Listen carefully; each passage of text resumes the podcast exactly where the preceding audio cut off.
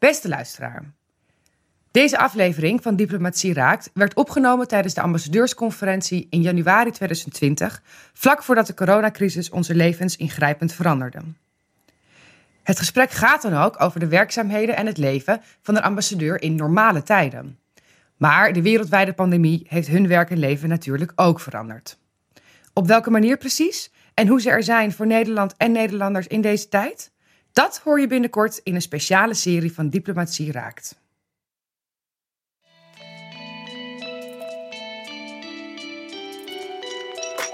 Welkom bij Diplomatie Raakt, de podcast van het ministerie van Buitenlandse Zaken. In deze podcast duiken we in het werk en leven van de meer dan 150 Nederlanders die als ambassadeur werken. Ze vertegenwoordigen ons koninkrijk wereldwijd en ze zijn er voor alle Nederlanders die in het buitenland wonen, werken of reizen. Maar ze openen ook deuren voor het Nederlandse bedrijfsleven, werken aan veiligheid en maken internationale afspraken over wereldwijde uitdagingen zoals klimaatverandering en ongelijkheid. Maar wat betekent dit nou eigenlijk concreet? Wat doet een ambassadeur precies? En is uitgezonden worden echt zo avontuurlijk als het klinkt? Mijn naam is Liesbeth Rasker. Ik ben freelance reisjournalist. En in dit tweede seizoen van Diplomatie Raakt ga ik op zoek naar de antwoorden op deze vragen. Iedere aflevering praat ik met een andere ambassadeur over het vak, de mens achter het werk en probeer ik te begrijpen wat het nou precies betekent, ambassadeur zijn. Vandaag heb ik Jeroen Rodeburg te gast. Hij werkte onder andere in Irak, in India en bij de Verenigde Naties. En nu is hij bezig aan zijn laatste half jaar als ambassadeur in Colombia. Een land dat enorm booming is, zowel voor Nederlandse ondernemers als toeristen, maar waar het oorlogsverleden nog altijd een grote rol speelt in het dagelijks leven. Jeroen vertelt over de ontvoering van spoorloospresentator Dirk Bolt en wat zijn rol als ambassadeur was bij de vrijlating. Hij legt uit waarom Colombianen massaal op de fiets stappen en waarom ambassadeurs iedere vier jaar moeten wisselen van post.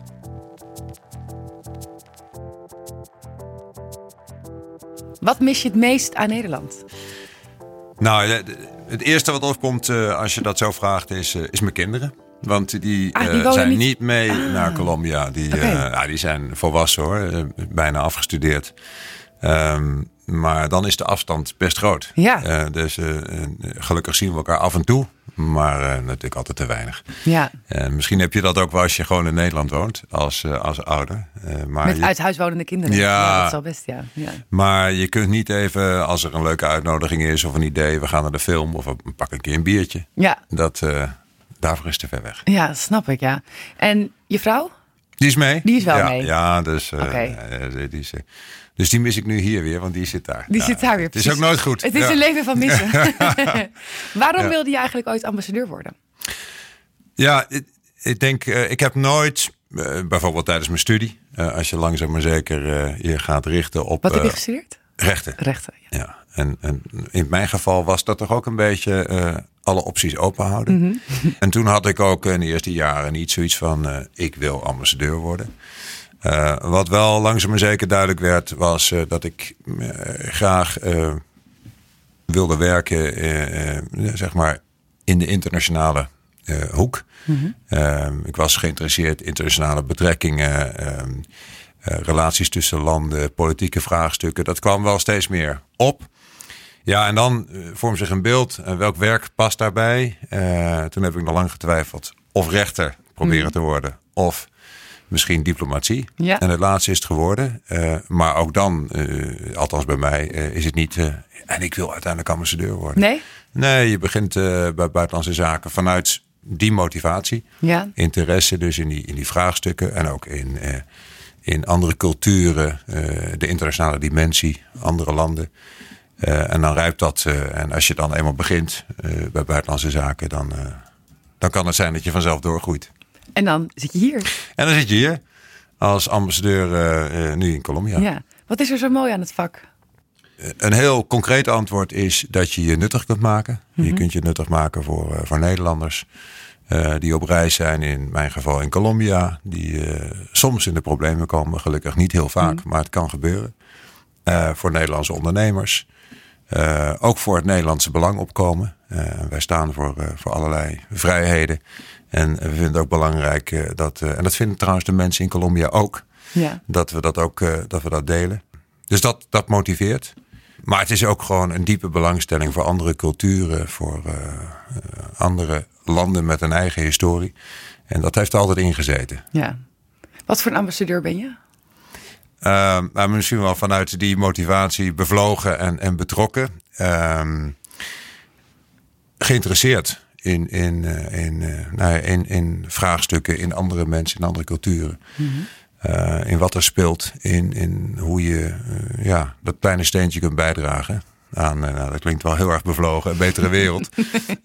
maar ja, dat is het. Ja. Dus een betrokken ambassadeur. Ik ja. ben een betrokken ambassadeur.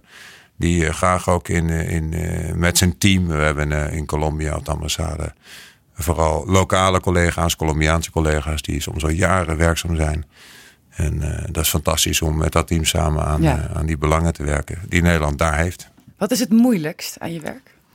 Dat is in heel veel landen natuurlijk zo. Als diplomaat moet je soms wachten. dat ja. hoort er ook bij. Uh, dus als je ergens een bijeenkomst hebt, dan je moet geduld hebben. Het kan wel eens een uurtje langer duren dan, dan, dan op programma staat. Mm -hmm. hoort er ook bij. Dat is een hele, nou ik zeggen, een, een platte, om het zo te zeggen. Wat is het moeilijkst? Um, nou ja, wat ook wel eens moeilijk is, is dat je, je hebt natuurlijk toch te maken met een lokale cultuur, met lokale um, wetten en gebruiken is maar goed ook. En um, misschien zou je als Nederlander soms wel willen dat dingen sneller gaan. Mm -hmm. um, en dat kun je tot op zekere hoogte kun je daar je best voor doen om dat ook zover te brengen. Of voor een Nederlands bedrijf, of voor een Nederlander in nood. Maar ja, je hebt je wel te houden natuurlijk ook aan de lokale ja. gewoontes, de lokale cultuur. En dat is wel eens moeilijk. Waar moest voor een Nederlander. Ja, dat kan me voorstellen met onze westerse Ook al ben je diplomaat, dan nog kan dat wel eens uh, bovenkomen. Waar moest je het meest aan wennen toen je in Bogota ging wonen? Ik dacht van tevoren misschien wel de hoogte. Bogota ligt op 2600 meter, maar ja. dat, uh, dat is goed gegaan. Ik heb daar niet zoveel last van. Um, eigenlijk heel weinig. Ik heb, uh, ben ooit begonnen in mijn carrière in Chili. Dus uh, ik, ik heb wel iets met Latijns-Amerika. Mm -hmm. um, het, is, uh, het klimaat van Bogota ligt mij uitstekend. Uh, misschien het verkeer, maar dat is ook niet typisch voor Bogota. In heel veel grote steden is, is verkeer een, een ding. En, en ik heb een, een, een halve oplossing gevonden. Want waar het kan, stap ik op de fiets. Ja, en, uh, en rijd ik, uh, in ieder geval rijd ik van, uh, dat is niet zo ver trouwens, een kilometer, rijd ik van mijn huis naar, naar werk. En dat, dat is, al heerlijk. Een grote hobby inderdaad. Hè? En dat is ook nog een hobby. Dus een hobby die ik deel met, met duizenden Colombianen. Jij is fietsen populair in ja, Colombia? Ja, ah. het, is, het is begonnen vooral, hoe zeg je dat, recreatief mm -hmm. dus, en sportief. Dus, dus Colombianen zijn natuurlijk fantastische wielrenners, ook professioneel. Oké. Okay. Maar wat je nu ziet, zeker in Bogota, is dat het ook ge gebruik wordt om op de fiets te stappen naar je werk. Dus er zijn fietspaden worden aangelegd en het is allemaal nog in ontwikkeling. Uh, maar er gaan ook echt wel duizenden um, Colombianen gewoon naar hun werk op de fiets. Ja, dat kun je je misschien niet voorstellen. Maar, en daar fiets ik dan tussen. En, en wat ze al heel lang hebben in Bogota is, uh, we noemen dat de ciclovia. Dat is op zondag uh, tussen 7 en, uh, en 2 smiddags. Sluiten ze een aantal grote wegen af. Mm -hmm. En daar mag alleen gelopen worden, gewandeld, gefietst. Dus dan, ja, ik geloof dat er een miljoen Bogotanos dan op de been zijn. Om dus op die manier te genieten van een, een autovrije zondag. Dat leuk. Ja. Je hebt hiervoor ook in New York gewoond? Ja. En in New Delhi? Ja. Uiteenlopende plekken? Ja. Hoe was dat? Ja, ik denk, ik denk, we hadden het eerder over mijn motivatie. Dat al die plekken heb ik ontzettend van genoten. Mm -hmm. dat waren allemaal plekken waar we met het hele gezin woonden. Ja. In New York woonden we dan vier jaar. Nou, dat de, de, meeste mensen kennen de stad of in ieder geval hebben daar mm. een idee bij. Fantastisch. New Delhi, India. Ja, het is een, een, een, continent, een continent, een enorm verschil. Ja. Een land op zich. Ik weet nog de overstap van New York naar New Delhi. Bijvoorbeeld was voor de kinderen niet makkelijk. Nee. Omdat ze weggingen van een school waar ze nou net weer de vriendjes hadden. Ja. En, de, en hoe oud waren ze toen? Toen waren ze tien en acht. Oh ja. Uh, en dat is dan toch uh, een flinke stap. Ja. Maar ook uh, ja, het hele, de hele omgeving is ja. anders. Ja, ik, mijn vrouw en ik hebben daar genoten in India. Het is fascinerend. Mm. en je leert er weer zoveel. Ja. Ook over jezelf. Wat heb je over jezelf geleerd? Hè? Ja, toch wel dat punt van geduld. En, en, en je laten verrassen door wat een dag brengt. Dat zeggen Indiërs ook wel eens van, je, weet, je, kunt je allerlei dingen voornemen s ochtends, maar aan het einde van de dag blijken zich allerlei dingen te hebben afgespeeld die je niet had verwacht. En daar, dat leer je ook waarderen. Ja. Hoe bereid je je eigenlijk voor op zo'n verhuizing? Nou, we hebben altijd een hele goede professionele voorbereiding. Dus je wordt uh, door je voorganger word je natuurlijk uh, uitgebreid ingelicht. Uh, je mm -hmm. krijgt van het ministerie natuurlijk ook een, een, zeg maar een opdracht mee. Waar liggen de prioriteiten voor Nederland? Waar staat Nederland voor in India? Wat is belangrijk in New York bij de VN? Um, wat verwachten we van je? Uh, dus in die zin ben je uitstekend voorbereid. Ja, de verhuizing is, is, is een verhuizing zoals dat uh, ook in Nederland uh, kan gebeuren.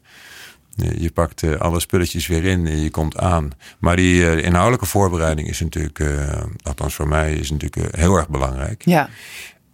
Um, en dan vervolgens, als je een gezin hebt, is het, is het, is het voor de kinderen, voor je partner, is het ook weer wennen. Wat voor voorbereiding treffen zij? Want zij hoeven inhoudelijk niet gebriefd te worden. Nee, uh, nou veel lezen. Mm Althans, uh, mijn, uh, mijn vrouw in ons geval leest dan over het land. En verdiept zich natuurlijk ook in, in opties om, om, van, van, werk, als dat kan. Ja.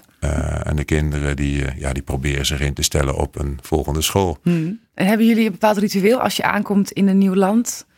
Dat jullie eerst een week vrij hebben? Of, of, of, of ja. hoe, hoe doe je dat?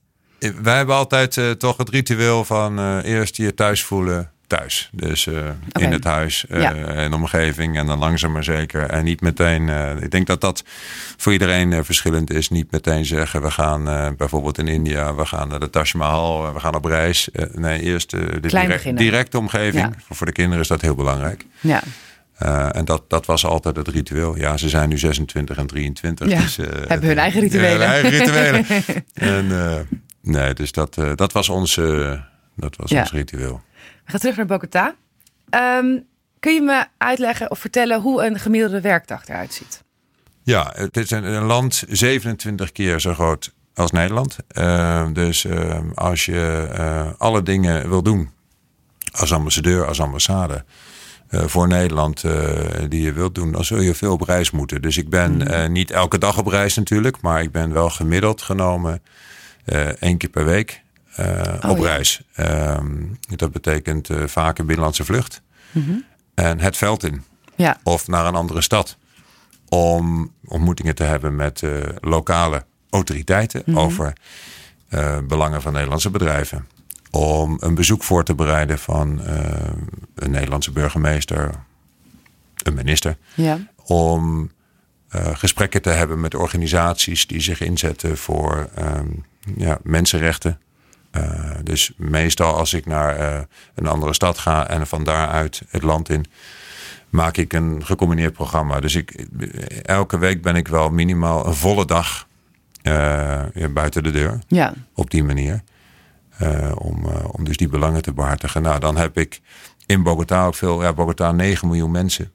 Dus dat is een land op zich. Mm. daar zit natuurlijk de regering. Dus daar heb je ook regelmatig gesprekken mee. Ook weer met, uh, met ministers op terreinen als uh, water, uh, transport, maar ook buitenlandse Hoe zaken. Gaat zo'n gesprek? In het Spaans. Mhm. Mm -hmm. belangrijk, want, ja. want dat faciliteert natuurlijk enorm de dialoog. Hoewel veel van die ministers ook behoorlijk tot zeer goed Engels spreken, is het standaard Spaans. open. Dus je kunt echt wel punten maken. en als je zorgen hebt over zaken, kun je dat ook uitspreken. Dat is fijn, dat is goed. Ja, zo'n zo gesprek wordt goed voorbereid. Uh, je hebt natuurlijk van tevoren bedacht uh, wat wil ik uh, uit dat gesprek halen en um, wat kunnen we ook, wat kunnen we ook brengen, mm -hmm. wat kunnen we leveren als Nederland. dus zo bereid je zo'n gesprek voor. Ik ga er meestal niet alleen heen, want meestal met een collega. Ja. Ja, dat is ook een beetje de andere kant van, van de Colombiaanse, laat ik maar zeggen. Het geduld dat je soms moet betrachten, omdat dan bijeenkomst niet altijd op tijd begint, krijg je ook wel weer terug. Omdat Mhm. ze het ook niet zo nauw nemen met de duur van het gesprek. Dus je wordt ook niet na een half uur buiten de deur gezet. Dus, Hoe lang dus, zit je er uh, dan soms wel? Nou ja, als het, als het uh, gesprek goed gaat, kan het ook anderhalf uur duren. Ja. En, uh, dus dat is de andere kant van de medaille. En, en grote hartelijkheid. Colombianen zijn over het algemeen zeer hartelijk. Zijn ook nieuwsgierig en open. Mm -hmm. Gastvrij. Ja. Je hebt er nu vier jaar gezeten. Je kijkt terug eigenlijk op de post. Ja. Wat zijn nou dingen die je echt bij zullen blijven van deze afgelopen tijd? Nou, wat me, wat me is bijgebleven is dat Nederland ook in Colombia ehm, nou, niet alleen belangen heeft. Stabiel Colombia, heel erg belangrijk voor het Koninkrijk. Want Curaçao, Aruba ligt natuurlijk naast de deur. Ligt om de hoek, ja. Ook belangrijk voor Nederlanders die daar steeds meer op reis gaan. Mhm. Vorig jaar 75.000 uh, bezoekers uit Nederland. Voor Nederlandse bedrijven die de zaken willen doen. Uh, ja, voor alle mensen die daar uit een hele lange periode van conflict komen. De burgeroorlog, de strijd met de guerrilla's, die langzaam maar zeker is opgelost via dat akkoord.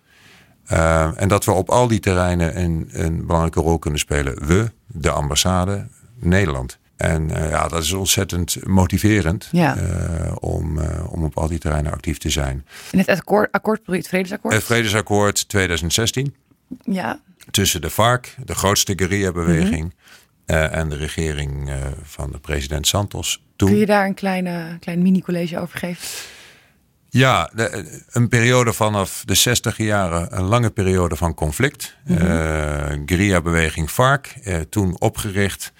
Uh, in een, een, tientallen jaren durende strijd uh, met de regering. Om wat? Om in de ogen van de FARC een betere samenleving te creëren. Okay. Die waren het niet eens met uh, de, de wijze waarop de samenleving was ingericht. Die vonden dat de, de, armen bleven arm. het land werd, was in het bezit van een paar hele rijke mensen.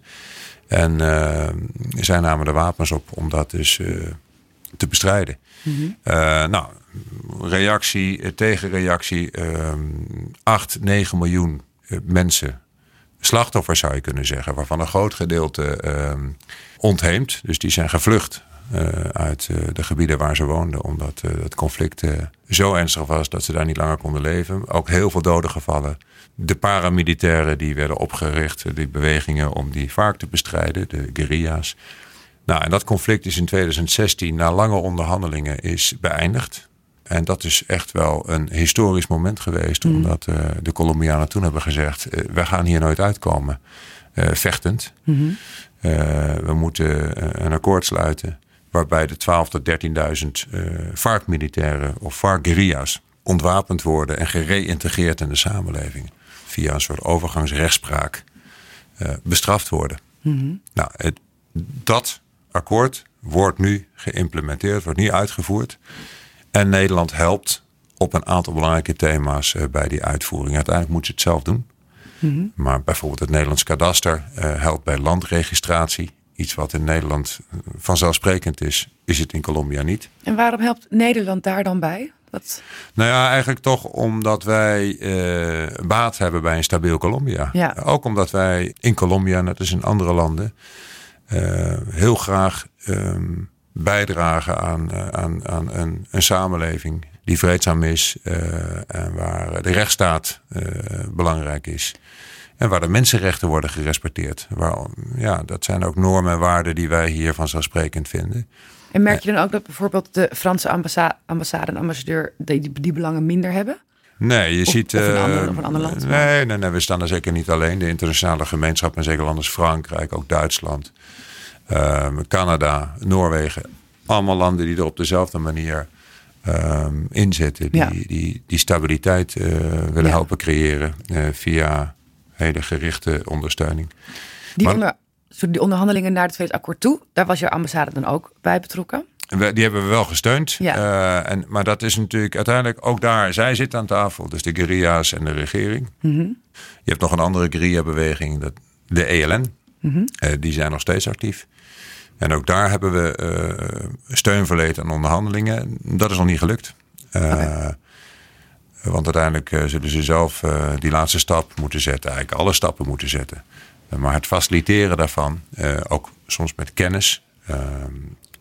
ja, dat is een steentje dat we kunnen bijdragen. En het faciliteren, dat betekent dan dat je dus inderdaad kunt zeggen... nou, ons kadaster kan, daar, kan daarbij helpen? Of dat je dat soort hulp aanbiedt? Of hoe, hoe, hoe is dat concreet? Nou, Colombia heeft zelf aangegeven. Dat gaat dan om de uitvoering van het vredesakkoord met uh, de FARC. Uh, Colombia heeft gezegd, landregistratie is een van de allergrootste problemen mm -hmm. uh, die we hebben. En we hebben een systeem dat zeer traag is. En, En, en wij hebben, het Nederlands Kadaster, een, een methode die veel sneller is, simpeler. Mhm. die ook de boeren zelf betrekt bij, bij die landmetingen. En wij proberen dat nu, die methode, te introduceren in een aantal gebieden. Om te laten zien, jongens, als jullie het zo aanpakken, dan gaat het eh, in een aantal jaren. In plaats van over 100 jaar. Ja. Eh, als jullie jullie eigen methode gebruiken. Maar de vraag komt uit Colombia.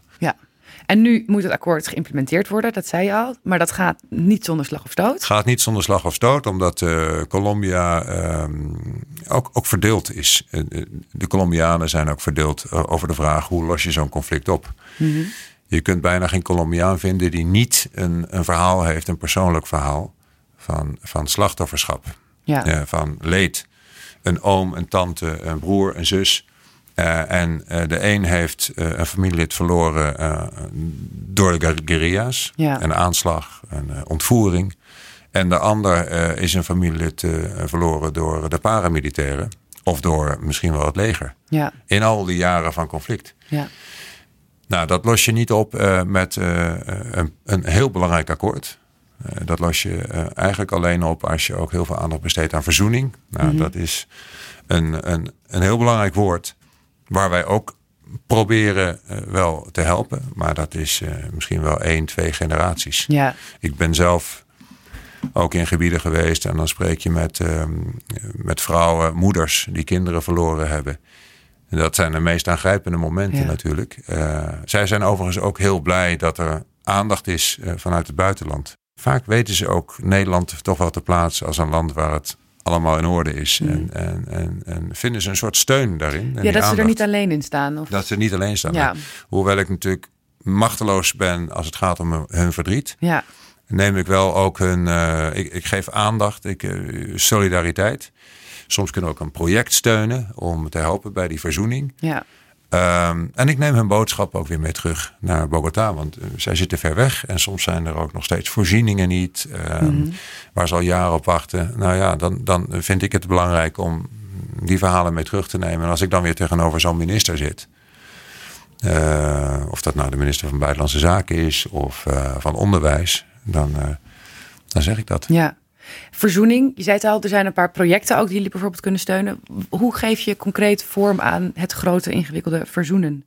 Um, nou, wij hebben um, op de ambassade hebben we een, een, eh, een mensenrechtenfonds. Uh, en dat is een, een paar ton euro, waarmee mm. wij uh, op een aantal gebieden, bijvoorbeeld verzoening, uh, lokale organisaties steunen die die verzoening uh, proberen te bevorderen. En we zijn nu net bijvoorbeeld uh, bezig met een, een, eh, een, voorstel van een lokale organisatie, gespecialiseerd in die verzoeningspogingen.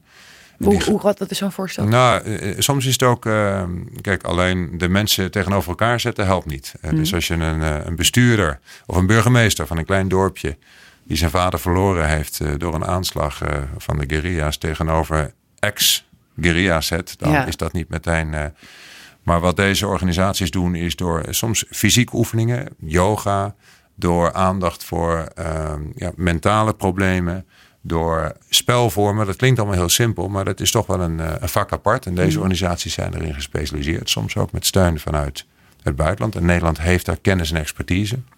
Die kunnen daar een sfeer langzaam maar zeker creëren waarin mensen naar elkaar gaan luisteren. En ik, dat is misschien nog wel het moeilijkste.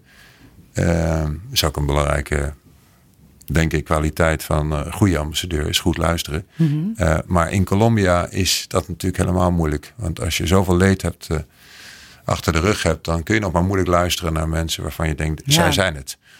En, en dit soort oefeningen, dus die, ja, die psychosociale, die mentale hulp, is ongelooflijk belangrijk om langzaam maar zeker in te laten zien dat ja, die, die man of vrouw tegenover me is ook iemand met een verhaal. Ja. Uh, die is ooit lid geworden. De menselijke kant blijven. Ja, die is ooit lid geworden van de guerrilla omdat uh, zijn ouders generatie op generatie straatarm waren. En hij geen andere optie zag. Of omdat hij verleid is voor het zogenaamde avontuur met allerlei beloftes. Ja. en er zit nog een andere, zit nog een mens achter deze guerrilla. Ja. En achter die paramilitair ook. Ja. En dat is in, in, in, in, het, in het verscheurde Colombia moeilijk. Hmm. En nou, dat maakt mijn werk ook fascinerend. En dan moet je ook en daar komt dat geduld ook weer. ja. ik, kan wel zeggen van jongens, zie nou in dat jullie hebben allebei schuld. Nee, zo mm. werkt het niet. Het, is een, het is een enorme inspanning om de mensen zelf dat proces te laten doormaken. En dat gaat denk ik ook nog wel een generatie duren. Ja. Zien de Colombianen dat zelf ook zo? In toenemende mate. Zie je dat, dat, dat, zij dat zelf ook wel zien. er is echt een, een, een toenemend gevoel van ehm, het moet anders. Ja. Uh, en, en, en dat is ook zo mooi aan Colombia als je er op reis bent. En daarom komen er ook uh, zoveel toeristen die zeggen ook allemaal tegen mij van wat zijn Colombianen ontzettend hartelijk. De Colombianen willen dat ook laten zien. Ze zijn er zelf ook wel klaar mee. Ze zijn er klaar mee. Ze zijn trots op hun land. Uh, ze willen hun cultuur delen, die prachtige cultuur. en dat zie je gelukkig bij steeds meer Colombianen. Wat natuurlijk ook belangrijk is, dat je ook in de politiek een soort nieuwe stroming op ziet komen. Er zijn mm. lokale verkiezingen geweest. En dan zie je een nieuwe generatie uh, opkomen. Die uh, ook wat um, gematigder is in, in, in de oordeelvorming van wie is nou de schuldige aan, aan dit, deze lange geschiedenis van conflict. En, en dat is wat Colombia nodig heeft. Ja, want het is ook een vrij conservatief land. Ja. Maar dat gaat ook ja, dat is ook fascinerend. Het is een conservatief land en dat is het eh, echt nog steeds. Mm en tegelijkertijd hebben we nu een burgemeester sinds 1 januari van Bogota. Eh, Claudia Lopez, de eerste vrouwelijke burgemeester. Mhm. Zeg maar GroenLinks. Ja. Uh, hele sterke anticorruptieagenda. Lesbienne. Mm en zij is gekozen met een, een, forse meerderheid van stemmen. Ja. En, en dat is een goed voorbeeld van, van een, nieuwe, een, nieuw geluid. Een nieuw geluid, een nieuw soort vertrouwen. Ja. ja. Je stipt het al even aan. Er gaan 175.000 of 75.000 Nederlanders naar Colombia vorig gaan, jaar? Ja. Vorig jaar waren er 75.000 Nederlandse bezoekers. Ja. Aan, dus dat zijn niet allemaal toeristen, dat zijn uh, ook zakenlieden. Oké. Uh, de KLM vliegt uh, nu bijna dagelijks op, op Bogota, dus dat zal ook helpen. Ja. Maar heel veel toeristen. Ja, het is een, je hoort, ik hoor het ook altijd om me heen. Steeds meer mensen gaan naar Colombia. Wat, dat, dat is toch, verandert het dan jouw werk als er veel Nederlands, Nederlandse toeristen komen? Um, ja, want eh, je kunt gewoon bijna numeriek zeggen dat, uh, dat als er meer uh, toeristen zijn, meer Nederlanders zijn, dan uh, neemt het aantal paspoortvermissingen neemt ook toe. Ja, reisongelukjes. Bedrijfsongelukjes, nee, dat is, dat is de juiste term. dus dat zijn zeg maar de, de, de lichte consulaire situaties die, die je als ambassade natuurlijk ook zo snel mogelijk wilt oplossen. Dat is ook geen enkel probleem. En we zorgen ook dat we eh, af en toe in steden komen wat verder weggelegen, zodat het paspoort uh, snel kan worden afgegeven bij vermissing of bij diefstal. Dat is ook de meest voorkomende situatie. 95% van de toeristen, daar hoor je nooit wat van, die vermaken zich uitstekend, gebeurt niks. Maar er zijn natuurlijk ook situaties van grotere uh, urgentie of crisis. En dan moet je er ook staan als ambassade. Kun je daar uh, voorbeelden van geven? Nou ja, de meest uh, bekende situatie was toch de ontvoering van Dirk Bolt en Eus Vollender in 2017. Mm -hmm. En ontvoeringszaken is, is altijd heel erg ingrijpend in eerste plaats. Ze waren voor, spoorloos. Zo, voor, spoor, ja. ja voor spoorloos op pad in Colombia. En dat, dat waren ze vaker geweest en dat, dat zijn ze nog steeds. Ja. Uh, maar nu waren ze in een gebied uh, wat wij dan een rood gebied uh, noemen. Dus dat is het reisadvies niet doen. In het noorden van het land? In het noordoosten van het land tegen de grens met Venezuela. En daar ging het mis. Daar werden ze door de ELN ontvoerd. ja, en toen hebben we vanuit de ambassades, collega's op het ministerie, meteen hoogste staat van paraatheid. Ja. Wat gebeurt er op jouw ambassade als, als zoiets gebeurt? Je krijgt een belletje, moet je horen. Ja.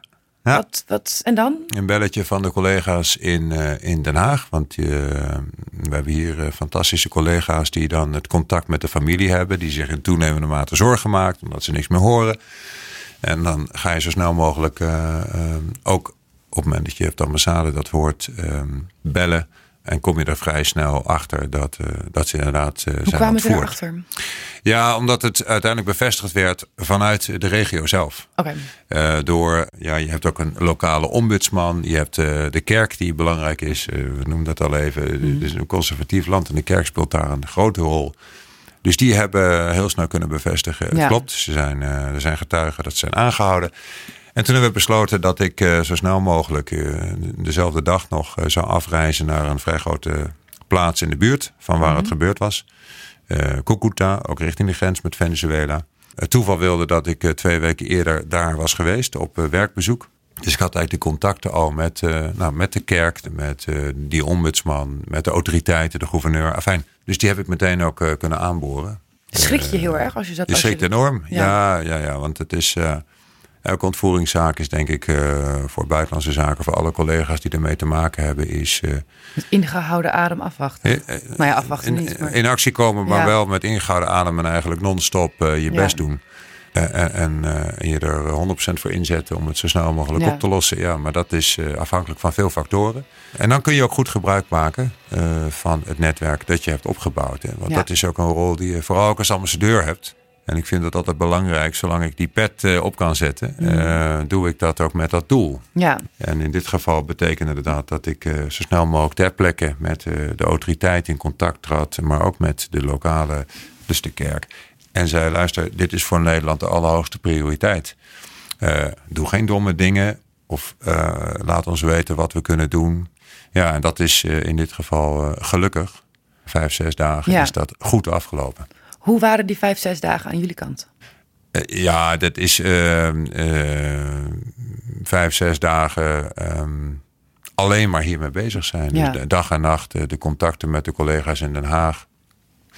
inspanning ook natuurlijk, want je kunt ook niet elke minuut, maar je, je, zit er voortdurend zit Ja. te denken, wat kan ik nog meer doen? Wat kan ik nog meer doen? Ik, was, ik had een collega meegenomen en dat is ook goed dat je dat samen doet. Omdat je Mm, steeds ja. weer zegt van hebben we nu echt alles gedaan wat we konden doen? Of zijn er nog andere dingen? Je staat onder enorme hoogspanning, want de familie wil natuurlijk zo snel mogelijk goed nieuws horen. Er zijn natuurlijk ook signalen dat het snel opgelost is en die kloppen dan niet. Maar je, je, je, je, je, je moet je vooral houden aan wat je wel kunt zeggen. Ja, En je richten op, uh, op de zaak. ja. De, Ja. en, uh, en in dit geval is dat goed afgelopen, maar je weet dat niet. Dus je zit, uh, het is echt, uh, je vroeg ernaar, het is een, een enorme spanning. ja. En als je er nu over praat, klinkt dat misschien allemaal een soort van vanzelfsprekend. je maakt gebruik van je ervaring. daar was ik ook heel blij mee, van, van heel veel kennis, ook op het ministerie. en het is dan teamwork om het, om het goed te doen. ja. Dit is gelukkig een uitzonderingsgeval. Ja, De meeste Nederlanders verliezen alleen een paspoort. Zijn. Die verliezen alleen een paspoort. Uh, nou, er zijn en, en precies, en daar gaat het natuurlijk ook om dat je. Uh, je kunt ook heel veel voorkomen. En, en dat is dat reisadvies. En wat mij opvalt is dat Nederlanders dat goed lezen. We hebben natuurlijk die, die 24-7 app. Ja. Je hebt een 24-7 telefoonnummer. wat je kunt bellen 247 247 247. en Heel dan. goed. ja, maar dat werkt fantastisch. Ja. Dus dat betekent dat de collega's die hier zitten, dat die uh, ja, mij ook bellen of de consul, Ja. mijn collega, als het echt nodig is. En ik zou zeggen, zo uit mijn hoofd, drie vijfde van eh, dat hele grote grondgebied van, eh, van Colombia is goed te bereizen als je, als je alert bent. Maar als je dat doet, dan, en dat zie je, dan gaan al die 60, 70.000 toeristen gaan uh, met heel veel plezier daar naartoe. En komen ook met heel veel plezier en ervaringen terug. Wat is er zo leuk aan reizen door Colombia? Ja, wat is er? Ik zou bijna zeggen, wat is er niet leuk? Mm. Het, is een, het is een ongelooflijk mooi land. De biodiversiteit is, is ongekend. Het, is, het heeft alles wat je zoekt in de natuur. Mm -hmm. De mensen zijn gastvrij. En ik zeg dat niet als ambassadeur van Colombia hier, want dat ben ik niet. Maar dat valt mij elke keer weer op dat Nederlanders die daar voor het eerst zijn, die zeggen, ja, die Colombianen zijn zo aardig. En dat is een soort uh, warmte en gastvrijheid die Nederlanders, uh, ja, dat vinden ze heel aantrekkelijk. Ja. Het is ook wel een soort van avontuurlijk natuurlijk. Uh, het is off the beaten track in vergelijking met misschien sommige andere landen. Uh, dus je hebt niet overal het gevoel van uh, hier zijn uh, miljoenen toeristen mij voor geweest. Ja. Dus die hele combinatie maakt dat je ook heel veel jongeren, backpackers, ja. die kant op ziet gaan. Ja.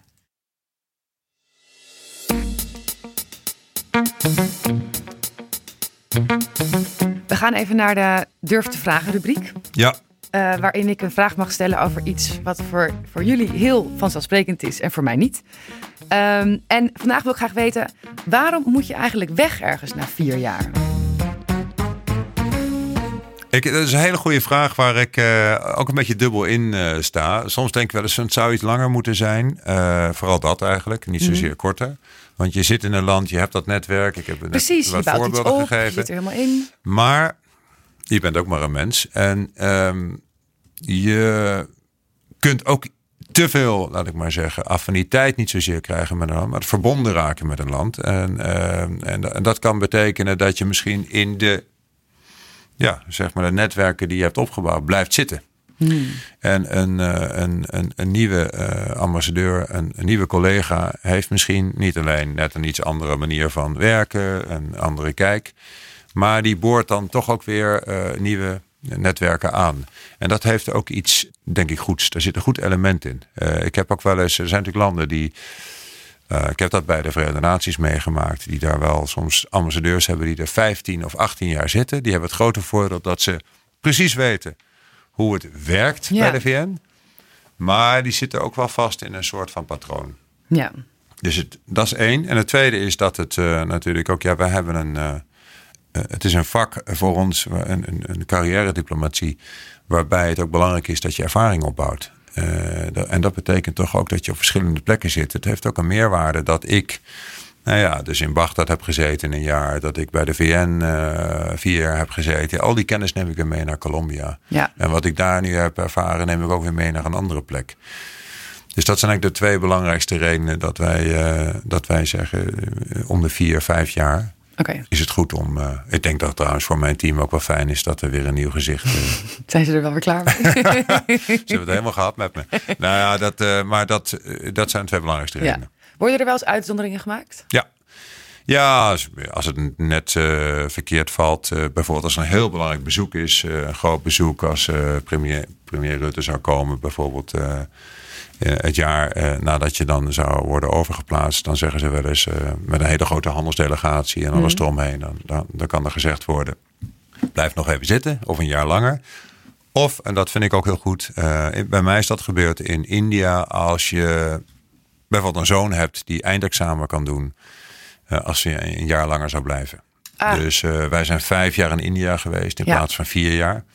En dat, die, die verlenging hebben we aangevraagd voor onze zoon. Ja, en dat is ontzettend belangrijk geweest. Ja. Dat hij dat laatste jaar nog daar kon doen. Ja, het kan ook korter, want je zei het al even, je hebt een jaar in Bagdad gezeten. Ja. Dat is dan een hardship post? Dat is een hardship post, dus daar zat ik uh, ook zonder vrouw. Dus ja. dat was uh, zonder kinderen, zonder vrouw. En uh, een non-family posting. Zit je alleen. En dat zijn meestal plaatsingen voor nou, één, twee jaar. Ja. het nadeel daarvan, dat zeg ik meteen, is, is dat het erg kort is. Ja. En, om het op te bouwen. om het op te bouwen. Ja. dus ook de netwerken. Um, ik begrijp best dat die ook denken, ja, je zit hier een jaar. Niet dat je overal meteen zegt, ik zit hier maar een jaar. Maar toch, dat is het nadeel. Maar het heeft te maken met die hardship. Uh, ja. Het is uh, onder, onder zware omstandigheden heel veel eisend. Mm. heel boeiend ook. Het is echt een voor mij onvergetelijk jaar geweest, ook professioneel.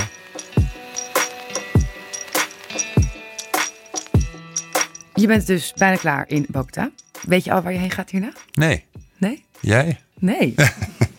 en als ik het wist, dan zou ik het u niet verklappen. Nee, nee. precies. Nee, um, nee, ik weet nog niet. Nee. Ik, uh, uh, zoals uh, bij ons het systeem is dat je geeft aan wat je graag zou willen. Wat je denkt ook goed te kunnen. en vervolgens moet een moeilijke puzzel worden gelegd in Den Haag. Ja. Klinkt allemaal een beetje vaag, maar het is zoals het gaat. Mm -hmm. En... Um, en dan hoor je meestal, in mijn geval, dan zal het februari, maart zijn wat het wordt. Ja. Maar ik heb alle vertrouwen in dat het goed komt. wat hoop je?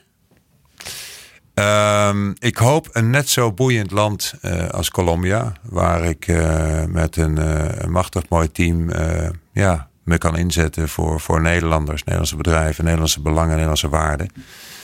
Uh, want dan kan ik mijn energie kwijt. Ja, en een land waar je een beetje kunt fietsen. Ja, dat is uh, eigenlijk wel een eis, maar ik heb het toch maar niet in mijn sollicitatie gezet, want uh, dan valt er ook wel weer een hoop af. Ja, precies. en trouwens, je weet het ook nooit zeker. Ik heb nog steeds wel eens dat Colombianen, ja, die zien natuurlijk, die zien die grote, lange Hollander en die, die zeggen dan van, is het wel veilig genoeg? Want ze maken zich altijd heel snel zorgen over ja. je, voor je. En dan uh, zeg ik, ja, dat is toch prima. Het is een fietspad. Uh, ja. Ze vinden het wel mooi. Ja. Dus uh, er kan soms meer dan je denkt. Over hoe lang vlieg je weer terug? Dinsdag. Ik heb volgende week maandag heb ik nog... we spreken elkaar nu op, op, een donderdag. We spreken op een donderdag. Ja. volgende week maandag heb ik nog afspraken. Dit weekend ga ik met mijn zoon op stap. Mm -hmm. Wat gaan jullie doen? Maastricht. Ah, Ja. leuk. Dus eh, ja, zie ik zin uit. En dan maandag nog afspraken, dinsdag terug. Verheug je? Om terug te gaan? Ja? Ja. Ja, het, is, het is een beetje grijzig eh, nu hier. Dat Nou. is niet altijd zo. Eh, maar eh Bogota is nu heel mooi. Nou. Ja. Mooi. Ja. Mag ik je danken voor, je, voor het gesprek? Jij bedankt. En een Graag goede gedaan. vlucht terug vast. Dankjewel. en je komt langs, hè? Ik kom zeker langs. Ja, nu helemaal. Dankjewel. Dit was Diplomatie Raakt, een podcast van het ministerie van Buitenlandse Zaken. Wil je meer weten over wat het ministerie en de ambassadeurs doen? Luister dan ook seizoen 1 van Diplomatie Raakt. Of ga naar www.rijksoverheid.nl-bz. Daar vind je alles over het werk van het ministerie van Buitenlandse Zaken. De volgende keer is Johanna Doornewaard te gast. Zij is ons ambassadeur in Zuid-Korea. Diplomatie Raakt wordt in opdracht van het ministerie van Buitenlandse Zaken geproduceerd door Dag en Nacht Media. Het audiodesign is van Studio Cloak en ik ben Liesbeth Rasker. Dag!